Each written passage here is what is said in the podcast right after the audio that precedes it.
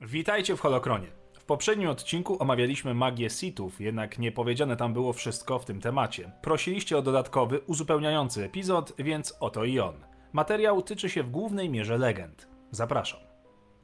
Magia Sithów, zaraz obok alchemii oraz artefaktów, omówione zostały na kanale już wcześniej, także zachęcam do zapoznania się z tamtymi odcinkami. O samej magii Sithów już mówiłem, ale zostało jeszcze kilka kategorii ich magii, o których warto wspomnieć i są to leczenie, inkantacje, nekromancja oraz protekcja czy wpływ na życie. Zacznijmy od zdolności leczenia. Magia Sithów pozwalała czarownikom przyspieszyć rekonwalescencję jednostki. Karnes Mur, jeden z oryginalnych mrocznych wygnańców Jedi Stuletniej Ciemności, zagłębił się i praktykował uzdrawianie ciemną stroną. Rin Shur, mag starożytnego Imperium Sithów, dzierżył uzdrawiający amulet, którym odmłodził rannego wojownika Utrisa. Fridon Nad użył ciemnej strony, aby uleczyć zranione ciało Exara Kuna po tym, jak zostało ono zmiażdżone przez spadający gruz wielkiej świątyni na Koribanie. Obrażenia pilota eskadry Łotrów Wedge'a Antillesa i innego pilota zostały uleczone dzięki użyciu magii Sithów przez Kartariuna. Chociaż uzdrowienie za pomocą magii Sithów było możliwe, przywracanie zmarłych do życia już nie. A przynajmniej nie w takiej formie jak niegdyś. I tu przechodzimy do nekromancji. Kiedy sytuacja wymagała od czarownika Sithów wykorzystania większej ilości ciemnej strony niż zwykle, nekromancja często zapewniała im moc, której szukali. Jednak czarownicy narażali się na ryzyko stania się marionetkami duchów, które przywoływali. Królowa Amanoa wezwała ducha Fridona Nada, aby pomógł jej w walce z jeźdźcami bestii z dziczy Onderona, ale jego duch opuścił ją w obecności Jedi. Nekromancja w wykonaniu Sithów dotyczyła głównie reanimacji duchów zmarłych lordów, ale i nie tylko. Datka Grash, król Sithów na Koribanie, aktywny w dziesięcioleciach przed przybyciem mrocznych wygnańców Jedi w 6900 roku przed rokiem zerowym, był jednym z pierwszych praktykujących nekromancję Sithów. Reanimował i dowodził ogromną armią zombie, wskrzeszoną za pomocą tego oto zaklęcia. Jednak tu trzeba zauważyć, że taka magia nie była prosta i wymagała także znajomości alchemii Sithów oraz odpowiedniej inkantacji zaklęć. Rzucanie zaklęć było istotną cechą magii Sithów, ponieważ jej praktykujący wierzyli, że oddanie głosu zaklęciu wykorzystywało siłę niezliczonych czarowników Sithów, którzy dawno minęli.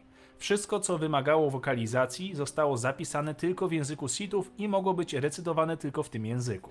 Kolejna kategoria zakazanej wiedzy to protekcja. Czarownicy byli w stanie wyczarować wokół siebie cienie niepokoju, które odpychały wszelkie nierozumne stworzenia w pewnym zasięgu.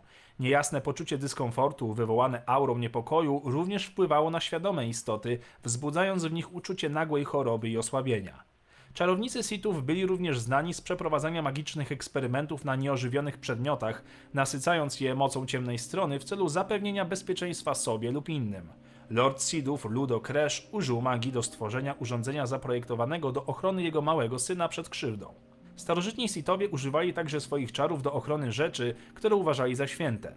Takie zaklęcie strzegło wejścia do pomieszczenia w grobowcu Fridona Nada, gdzie skryty był jego holokron. W Dolinie Golk na ojczystej planecie Sithów, Koribanie, starożytna magia w postaci inskrypcji na ścianach została wykorzystana do ochrony grobowców zmarłych lordów Sithów. Magicznie stworzona zbroja Warba Nula zapewniała mu większą ochronę w bitwie, podobnie jak pancerz Sith Marudera Kaoksa Króla. Więcej o takich przedmiotach dowiecie się z odcinka o artefaktach. Gdy czarownicy Sithów starali się nagiąć moc do swoich celów, zagłębiali się w dziwaczne eksperymenty dotyczące manipulacją zarówno życiem, jak i śmiercią. Datka Grash przykładowo wykorzystywał magię Sithów w parze z najbardziej zaawansowanymi i dostępnymi technologiami, aby stworzyć kryształ ciemnej strony nasycony ponad tysiącem duchów Sithów, którym to następnie zastąpił własne serce. Kiedy król został zamordowany, duchy jego armii zombie dołączyły do tych uwięzionych w jego krystalicznym sercu. Koncept magii Sithów został wspomniany po raz pierwszy w przypisach końcowych Toma Waita do Mrocznego Imperium, serii esejów, które badały historię postaci w tejże serii komiksów. Tales of the Jedi Companion z 1996 roku badało głębiej naturę magii Sithów, wyjaśniając jej związek z tytułowym gatunkiem i późniejszą adopcję przez mrocznych wygnańców Jedi. Magia Sithów była nadal używana jako podstawowe narzędzie fabuły przez kilka kolejnych wątków fabularnych w Tales of the Jedi. Pojawiła się również w wyciętej historii Star Wars Adventure Journal Light and Shadow napisanej przez Paula Danera. W kanonie magia Sithów jako taka póki co nie funkcjonuje, a przynajmniej nie w tak rozbudowanej formie i jest po prostu częścią wiedzy o ciemnej stronie mocy. Co jednak przyniosą przyszłe publikacje w tym temacie, czas pokaże. To wszystko na dzisiaj, dzięki za oglądanie. Odwiedzajcie mój drugi kanał pod tytułem Aperacjum. Ukłony dla patronów serii i niech potęga ciemnej strony zawsze będzie z wami.